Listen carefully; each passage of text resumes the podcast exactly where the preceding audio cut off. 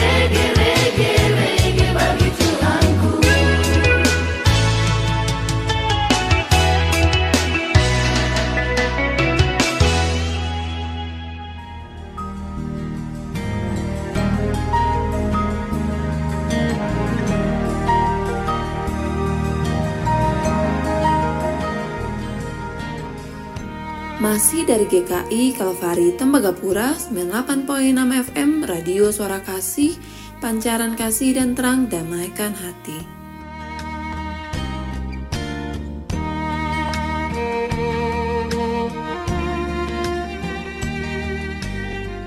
Sahabat Suara Kasih, sebelum memulai pembacaan firman Tuhan pada hari ini, mari kita berdoa.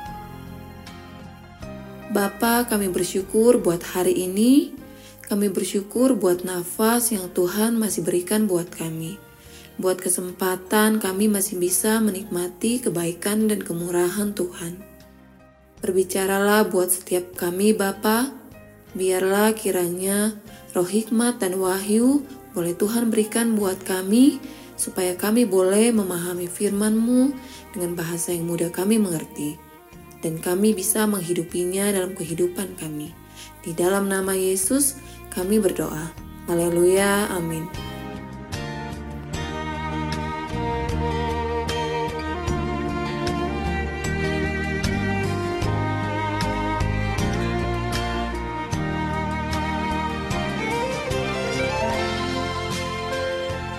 Kitab Yehezkiel pasalnya yang ketujuh kesudahan Yerusalem tiba. Kemudian datanglah firman Tuhan kepadaku, Engkau anak manusia, katakanlah, beginilah firman Tuhan Allah kepada tanah Israel. Berakhir, berakhirlah keempat penjuru tanah itu. Kini kesudahanmu tiba dan aku akan mencurahkan murkaku atasmu, dan aku akan menghakimi engkau selaras dengan tingkah lakumu, dan aku akan membalaskan kepadamu segala perbuatan yang keji. Aku tidak akan merasa sayang kepadamu dan tidak akan kenal belas kasihan, tetapi aku akan membalaskan kepadamu selaras dengan tingkah lakumu, dan perbuatan-perbuatanmu yang keji akan tertimpa atasmu maka kamu akan mengetahui bahwa Akulah Tuhan. Beginilah firman Tuhan Allah: "Lihat, bencana demi bencana akan datang, kesudahan datang, kesudahanmu tiba, seakan-akan ia terbangun melawan engkau. Lihat datangnya."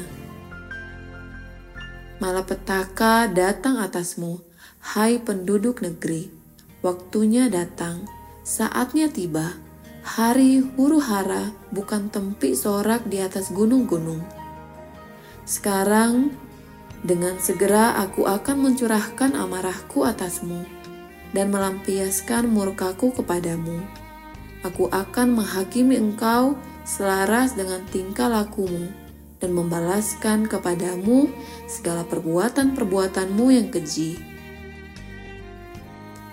Aku tidak akan merasa sayang dan tidak akan kenal belas kasihan. Selaras dengan tingkah lakumu akan kubalaskan kepadamu dan perbuatan-perbuatanmu yang keji akan tertimpa atasmu. Maka kamu akan mengetahui bahwa aku, Tuhanlah yang memusnahkan. Lihat, harinya sungguh datang, malapetaka akan menimpa kelaliman bertunas dan keangkuhan bertaruh. Kekerasan bersimaha Raja Lela yang menjadi penopang segala kejahatan.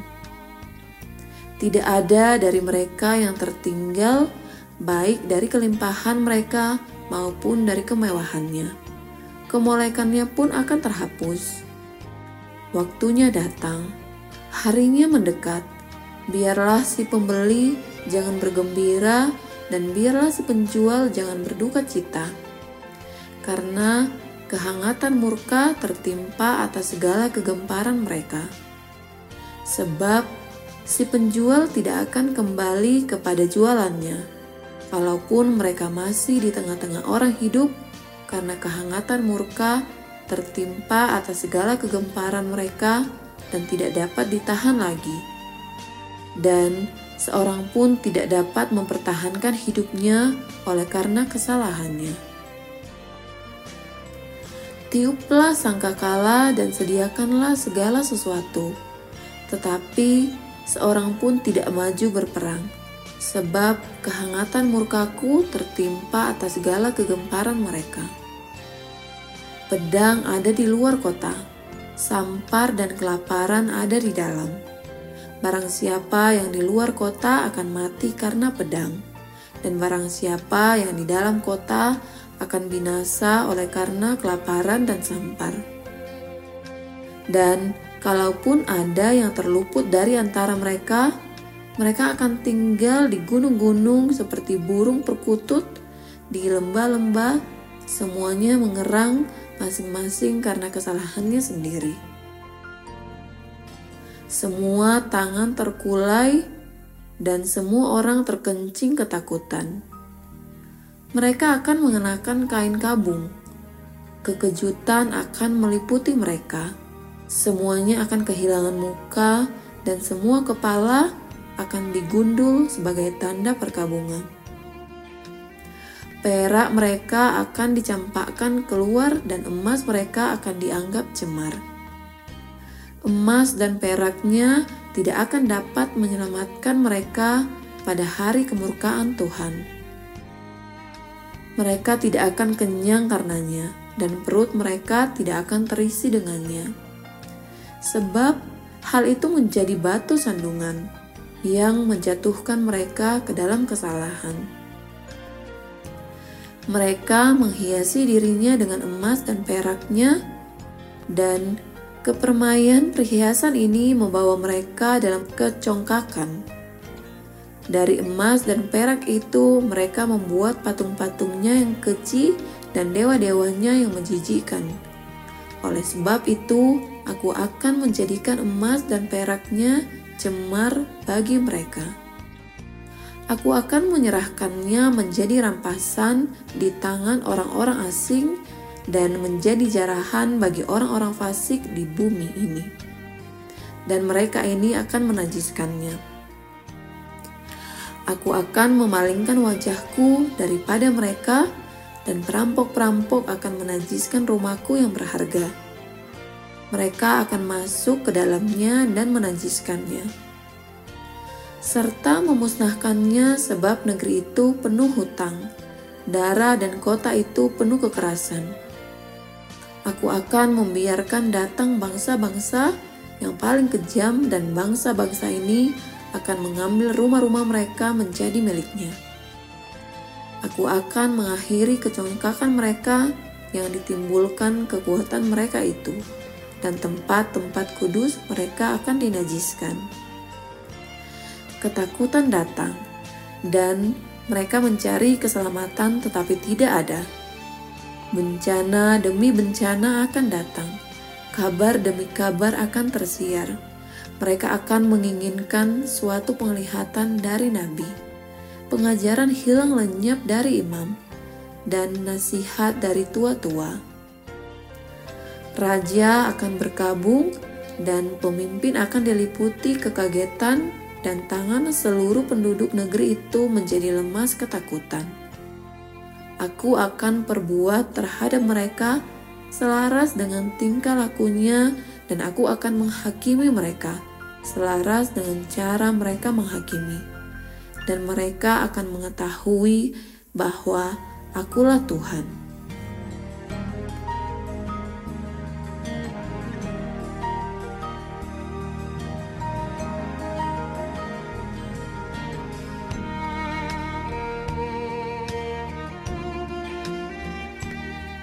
Kitab Yehezkiel pasalnya yang ke-8 berhala kekejian yang ada di dalam bait Allah. Pada tahun ke-6, dalam bulan yang ke-6, pada tanggal lima bulan itu, waktu aku duduk di rumahku berhadap-hadapan dengan para tua-tua Yehuda, kekuasaan Tuhan Allah meliputi aku di sana. Dan aku menerima penglihatan. Sungguh, ada kelihatan yang menyerupai seorang laki-laki dari yang menyerupai pinggangnya sampai ke bawah. Kelihatan seperti api dari pinggangnya ke atas kelihatan seperti cahaya, seperti suasa mengkilat. Dia mengulurkan sesuatu yang berbentuk tangan dan dipegangnya jambul kepalaku. Lalu roh itu mengangkat aku ke antara langit dan bumi dan membawa aku dalam penglihatan-penglihatan ilahi ke Yerusalem, dekat pintu gerbang pelataran dalam yang menghadap ke utara, di mana terdapat berhala cemburuan yang menimbulkan cemburu itu. Lihat, di sana tampak kemuliaan Allah Israel, seperti penglihatan yang kulihat di lembah itu. Firmannya kepadaku, Hai anak manusia, lihatlah ke utara. Aku melihat ke utara. Sungguh, di sebelah utara gerbang mesbah dekat jalan masuk, terdapat berhala cemburuan tadi.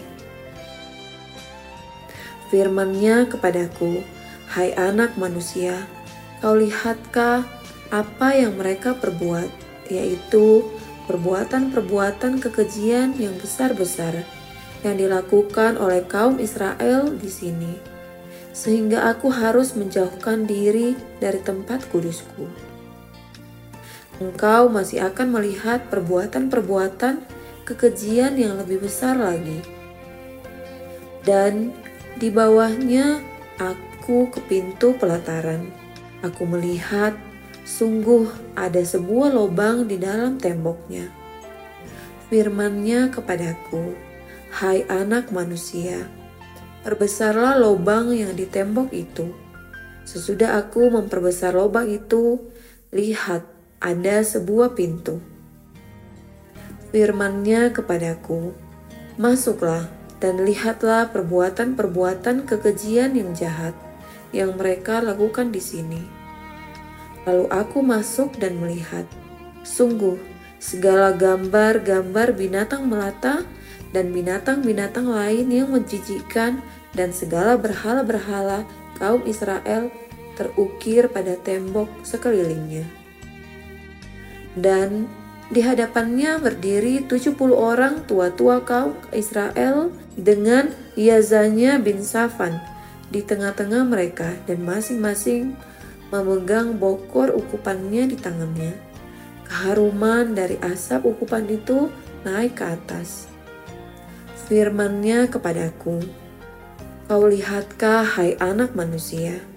apa yang dilakukan oleh tua-tua kaum Israel di dalam kegelapan, masing-masing di dalam kamar tempat ukiran-ukiran mereka, sebab mereka berkata, "Tuhan tidak melihat kita, Tuhan sudah meninggalkan tanah ini." Ditambahkannya lagi, engkau masih akan melihat perbuatan-perbuatan kekejian yang lebih besar lagi yang mereka lakukan Lalu dibawanya aku dekat pintu gerbang rumah Tuhan, yang di sebelah utara, sungguh di sana ada perempuan-perempuan yang menangisi Dewa Tamus. Firmannya kepadaku, Hai anak manusia, kau lihatkah apa yang mereka perbuat? Engkau masih akan melihat perbuatan-perbuatan kekejian yang lebih besar lagi daripada ini. Kemudian dibawanya aku ke pelataran dalam rumah Tuhan. Sungguh, dekat jalan masuk ke bait Tuhan, di antara balai bait suci dan mesbah, ada kira-kira 25 orang laki-laki yang membelakangi bait Tuhan dan menghadap ke sebelah timur sambil sujud pada matahari di sebelah timur. Lalu firmannya kepadaku, Kau lihatkah itu, hai anak manusia? Perkara kecilkah itu bagimu, kaum Yehuda, untuk melakukan perbuatan-perbuatan kekejian yang mereka lakukan di sini? bahwa mereka memenuhi tanah ini dengan kekerasan dan dengan itu terus menyakiti hatiku. Sungguh, mereka berkelakuan tak senono di hadapanku. Oleh karena itu, aku akan membalas di dalam kemurkaanku. Aku tidak akan merasa sayang dan tidak akan kenal belas kasihan. Dan Kalaupun mereka berseru-seru kepadaku dengan suara yang nyaring, aku tidak akan mendengarkan mereka.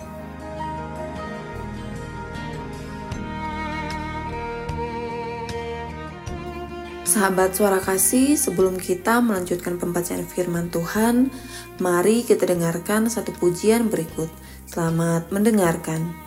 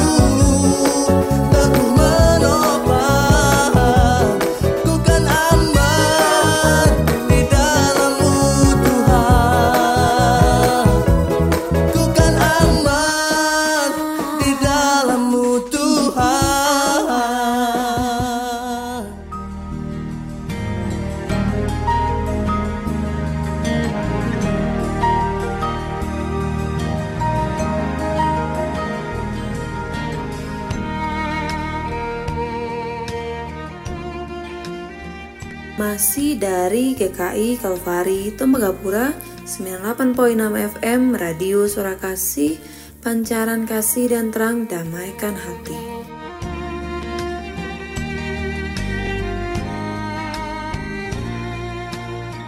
Sahabat suara kasih, mari kita kembali melanjutkan pembacaan firman Tuhan dari kitab Yehezkiel pasalnya yang ke-9. Orang-orang fasik di Yerusalem dibunuh. Lalu aku mendengar dia berseru dengan suara yang nyaring. Maju kemari, hai yang harus menjalankan hukuman atas kota ini, masing-masing dengan alat pemusnah di tangannya. Lihat, enam orang laki-laki datang dari jurusan pintu gerbang atas yang menghadap ke utara masing-masing dengan alat pemukul di tangannya. Dan satu orang di antara mereka berpakaian lenan, dan di sisinya terdapat suatu alat penulis. Mereka ini masuk dan berdiri di samping mesbah tembaga. Pada saat itu, kemuliaan Allah Israel sudah terangkat dari atas keruk, tempatnya semula ke atas ambang pintu bait suci, dan dia memanggil orang yang berpakaian lenan dan yang mempunyai alat penulis di sisinya. Firman Tuhan kepadanya, "Berjalanlah dari tengah-tengah kota, yaitu Yerusalem, dan tulislah huruf T pada dahi orang-orang yang berkeluh kesah karena segala perbuatan-perbuatan keji yang dilakukan di sana. Dan kepada yang lain-lain aku mendengar dia berfirman, Ikutilah dia dari belakang, melalui kota itu dan pukullah sampai mati. Janganlah merasa sayang dan jangan kenal belas kasihan. Orang-orang tua, teruna-teruna dan darah-darah anak-anak kecil dan perempuan-perempuan bunuh dan musnahkan. Tetapi semua orang yang ditandai dengan huruf T itu jangan singgung. Dan mulailah dari tempat kudusku. Lalu mereka mulai dengan tua-tua yang berada di hadapan bait suci. Kemudian firmannya kepada mereka, Najiskanlah bait suci itu, dan penuhilah pelataran-pelatarannya dengan orang-orang yang terbunuh. Pergilah, mereka pergi keluar dan memukuli orang-orang sampai mati di dalam kota. Sedang mereka memukuli orang-orang sampai mati. Waktu itu aku tinggal di belakang, aku sujud dan berseru kataku, Aduh, Tuhan Allah, Apakah engkau memusnahkan seluruh sisa Israel di dalam mencurahkan amarahmu atas Yerusalem? Jawabnya kepadaku, kesalahan kaum Israel dan Yehuda sangat banyak, sehingga tanah ini penuh hutang darah dan kota ini penuh ketidakadilan. Sebab mereka berkata, Tuhan sudah meninggalkan tanah ini dan Tuhan tidak melihatnya. Karena itu, aku juga tidak akan merasa sayang dan tidak akan kenal belas kasihan. Kelakuan mereka akan kutimpakan atas kepala mereka. Lihat, orang yang berpakaian lenan itu dan yang mempunyai alat penulis di sisinya memberikan laporan. Katanya, "Aku sudah kerjakan seperti engkau perintahkan kepadaku."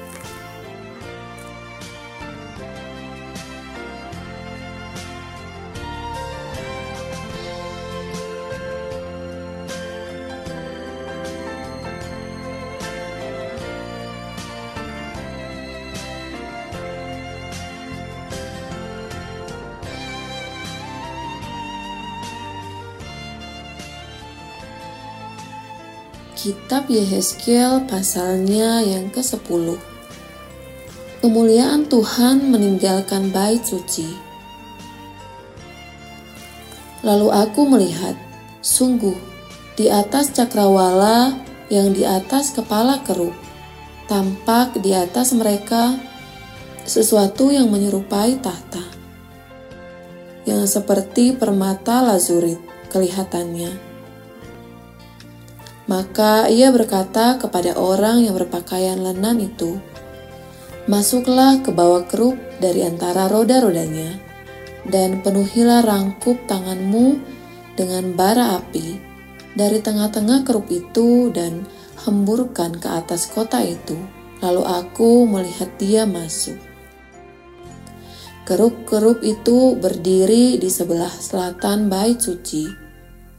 Waktu orang itu masuk ke tengah-tengah roda-rodanya, dengan segumpal awan memenuhi pelataran dalam. Dalam pada itu kemuliaan Tuhan naik dari atas keruk dan pergi ke atas ambang pintu bait suci. Dan bait suci ini dipenuhi oleh awan itu dan pelatarannya penuh dengan sinar kemuliaan Tuhan. Suara sayap keruk itu terdengar sampai pelataran luar seperti suara Allah yang Maha Kuasa. Kalau Ia berfirman, Ia memerintahkan kepada orang yang berpakaian lenan itu, "Ambillah api dari tengah-tengah roda-rodanya, dari tengah-tengah keruk itu." Maka yang berpakaian lenan ini pergi berdiri di samping salah satu dari roda-roda itu Lalu seorang keruk itu mengulurkan tangannya dari tengah keruk-keruk api yang ada di tengah-tengah mereka. Diambilnya sedikit dan ditaruhnya di dalam tangan orang yang berpakaian lenan. Orang ini menerimanya dan pergi. Pada keruk-keruk itu tampak yang menyerupai tangan manusia di bawah sayap mereka aku melihat, sungguh di samping kerup-kerup itu terdapat empat roda. Satu roda di samping seorang kerup, dan roda-roda ini kelihatannya seperti kilauan permata virus. Kelihatannya keempatnya adalah serupa, seolah-olah roda yang satu di tengah-tengah yang lain. Kalau mereka berjalan mereka dapat menuju ke empat jurusan tanpa berbalik kalau berjalan. Karena tempat mana yang dituju oleh yang di muka, ke situlah pergi yang lain-lain, tanpa berbalik kalau berjalan. Seluruh badan mereka, punggungnya, tangannya, sayapnya, dan roda-rodanya penuh dengan mata sekelilingnya. Ya, roda-roda mereka berempat juga. Aku dengar bahwa roda-rodanya disebut puting beliung. Masing-masing mempunyai empat muka. Muka yang pertama ialah muka keruk, yang kedua ialah muka manusia, yang ketiga ialah muka singa, dan yang keempat ialah muka Raja Wali. Kerup-kerup itu naik ke atas, Itulah makhluk-makhluk hidup yang dahulu kulihat di tepi sungai Kebar. Kalau kerup-kerup itu berjalan, roda-roda itu juga berjalan di samping mereka. Kalau kerup-kerup itu mengangkat sayapnya untuk terbang dari tanah, roda-roda itu tidak bergerak dari samping mereka. Kalau kerup-kerup itu berhenti, roda-roda itu berhenti. Kalau keruk-keruk itu naik ke atas, roda-roda itu sama-sama naik dengan mereka. Sebab roh makhluk-makhluk hidup itu ialah di dalam roda-roda itu. Lalu kemuliaan Tuhan pergi dari ambang pintu bait suci dan hinggap di atas kerup-kerup. Dan kerup-kerup itu mengangkat sayap mereka. Dan waktu mereka pergi, aku lihat mereka naik dari tanah dan roda-rodanya bersama-sama dengan mereka. Lalu mereka berhenti dekat pintu gerbang rumah Tuhan yang di sebelah timur. Sedang kemuliaan Allah Israel berada di atas mereka. Itulah makhluk-makhluk hidup yang dahulu kulihat dibawa Allah Israel di tepi sungai Kebar. Dan aku mengerti bahwa mereka adalah keruk-keruk. Masing-masing mempunyai empat muka, dan bagi masing-masing ada empat sayap, dan di bawah sayap mereka ada yang berbentuk tangan manusia. Kelihatannya muka mereka adalah serupa dengan muka yang kulihat di tepi sungai Kebar masing-masing berjalan lurus ke mukanya. Amin firman Tuhan.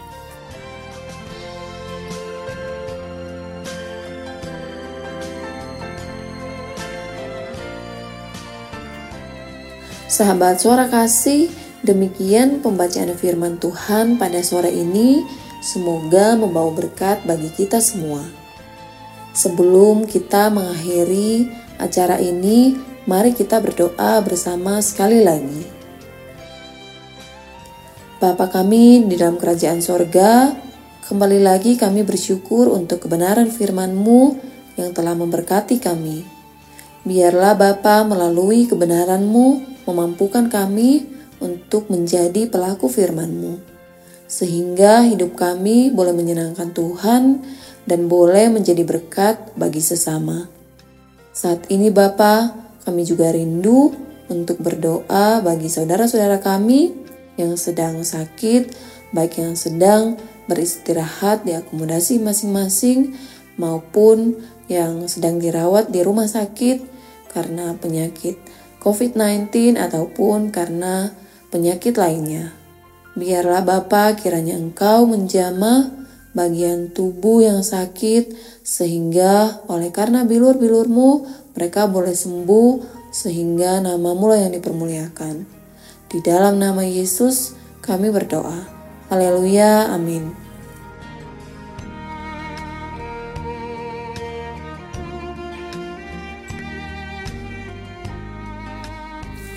Sahabat suara kasih, saya Opi undur diri dari ruang dengar pribadi Anda. Sampai jumpa di kesempatan berikutnya. Dan jangan lupa untuk Terus mendengarkan program Mari Baca Alkitab setiap hari di jam 6 sore dan khusus untuk hari Kamis di jam 5 sore waktu Indonesia bagian timur. Terima kasih dan selamat memasuki minggu kerja yang baru. Tuhan Yesus memberkati.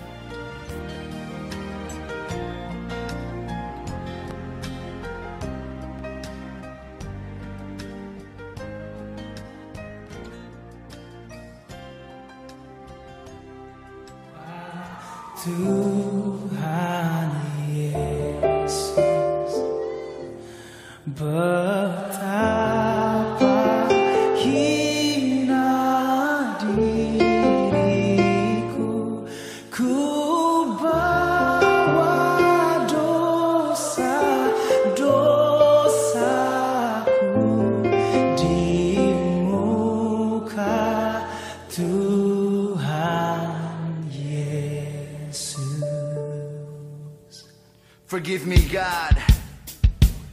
I was so blind, I was so lost. He gave his life, he paid the cross. Bila ku ingat, por la via dolorosa. Tuhan ku mati, karena ku berdosa. Kini ku beroleh anugerah keselamatan. Oleh bilur dan darahnya ku diselamatkan. Terlepas dari cengkraman belenggu mau. Seberapa buruk